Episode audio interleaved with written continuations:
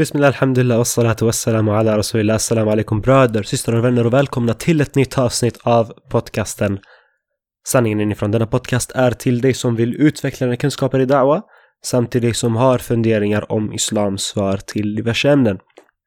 Idag tänkte jag nämna en väldigt, väldigt kort påminnelse från en underbar vers jag läste häromdagen från kapitel 29 i Koranen, Sura Ankabut, och hur den relaterar till politism och dyrkan av en annan gud än Allah subhanahu wa ta'ala, eller eh, att man inte har eh, någon sorts dyrkan. Och då är det i jämförelse med Spindelnätet. Ja, precis. Det var en liten clickbait-titel för eh, er Marvel-fantaster och eh, Spiderman-älskare, så jag beklagar detta.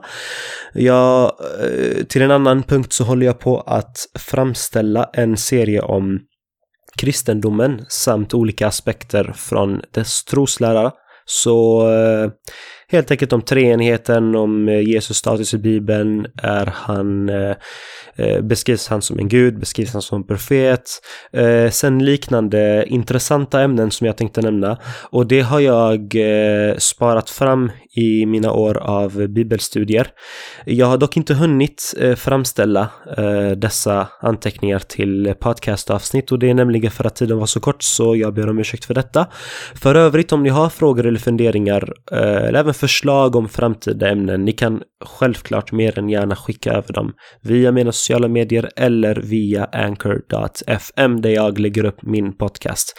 Eh, som ni känner till så drivs den podcasten för tillfället på begränsade donationer och sponsras inte av andra källor. Den är också fri från reklam som ni märker, vilket är bra, hoppas jag.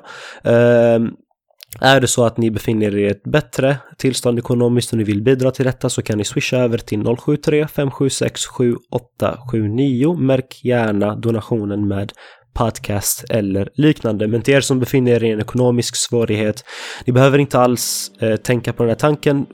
Eh, faktum bara att ni sitter och lyssnar på detta avsnitt är i sig en ganska stor support för mig, så jag är väldigt tacksam för er tid. med alla. belöna var och en av er och öka er allihopa i godhet.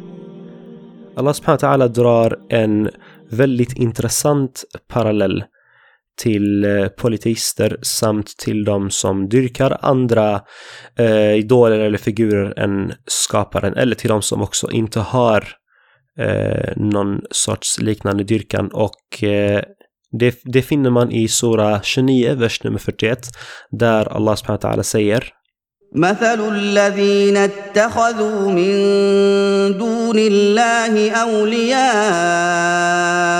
كمثل العنكبوت اتخذت بيتا كمثل العنكبوت اتخذت بيتا وإن أوهن البيوت لبيت العنكبوت لو كانوا يعلمون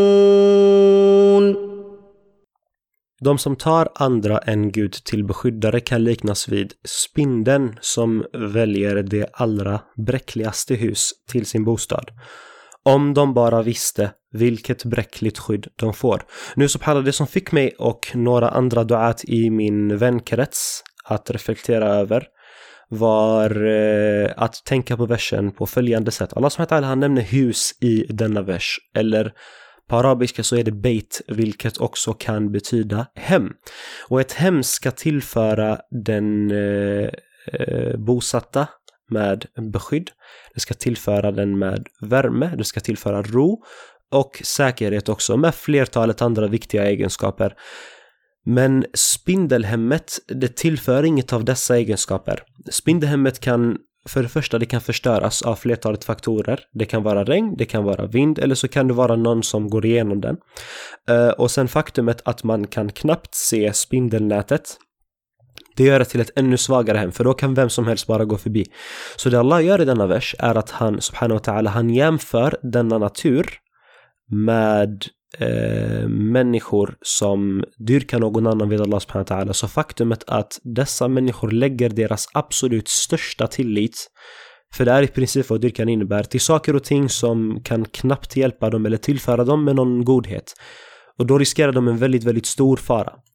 Och eh, en grej detta fick mig att tänka på var eh, några erfarenheter som jag hade i Street Down. Eh, sen, och nyligen faktiskt i Speakers Corner i London, eller så nyligen som maj då. Eh, och det som hände då var att det var en diskussion jag hade med en eh, kritiker till ateist om Guds existens. Han hade några frågor om hur vi kunde ha den tron och då nämnde jag några punkter som till exempel argumentet från beredskap. Det gick jag lite igenom i första avsnittet om ni vill kolla upp det. Jag nämnde även eh, the, argument of causality, eh, att något existerar behöver en orsak och eh, därmed finns det olika alternativ för det. Mer detaljer kommer inshallah i framtida avsnitt. Och ehm, han, hade, han kunde inte svara på dessa frågor och andra liknande frågor. Så vi höll helt enkelt med om att inte hålla med. Det som hände sen var att en av mina närmaste vänner där, eh, han eh, kom till mig och han hörde den personen tilltala en, eh, en av hans vänner.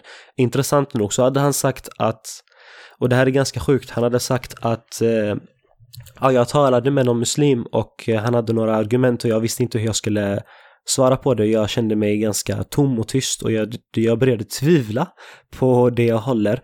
Och så subhanallah, det sjuka är att hans vänner började övertyga honom och säga nej men du, eh, det är lugnt, du, du har en starkare position ändå, du är fortfarande ateist, eh, han muslimer vet vad han pratar om, muslimer vet vad de nämner. Och de höll på att övertyga honom och tilltala honom att ja, ah, faktiskt stanna med eh, det han redan tror på. Och subhanallah, det får mig att tänka att det stämmer verkligen överens med versens förklaring. Så han befinner sig i ett väldigt svagt tillstånd från intellektuellt sett, för han tror inte på något som är rationellt. Uh, han har en väldigt svag tro, hans tankar är svaga och han lägger sin tillit på svaga vänner med precis samma komplex egentligen. Uh, men inte nog med den reflektionen till versen så finns det en till intressant punkt här. Och det är att versen i Surat al-Ankabut eh, nämner eh, inte bara att det nämner spindelnätet, det intressanta här är att råmaterialet från spindelvävet, det är bland de starkaste råmaterialen som vi har idag. Så visst, upplägget av spindelnätet är väldigt svagt, men om du kollar råmaterialet i, kom i komprimerad form, det är bland det starkaste vi har. Och det fick mig och några andra duat att tänka på följande sätt. Och det är att vi människor, vi har ett väldigt intressant och starkt inre. Vi, vi har kapaciteten att kunna hålla fast i saker och ting. Och det, det må vara en tro, det må vara en ideologi, vi kan tro på det väldigt starkt och vi kan komma fram till sjuka resultat och vi kan uppnå ganska mycket med en sån stark tro. Men när vi lägger vår tillit till något och vi tenderar att hålla det för evigt, det kan både vara en styrka och en svaghet. Så om det nu, om vi nu lägger den här tilliten på något som är starkt, då kommer vi att förhålla oss starka. Till exempel, lägger man tilliten på Allah subhanahu så kommer man vara i en starkare position och lägger man sin tillit på något annat än detta, då är man i en svag position helt enkelt. Så det är både en styrka och en svaghet för människan. Eh, det är egentligen allt jag ville dela med för dagens avsnitt. Jag uppskattar att ni har spenderat tiden. Jazakumullah khair. Wassalamu alaikum wa rahmatullahi wa barakatuh.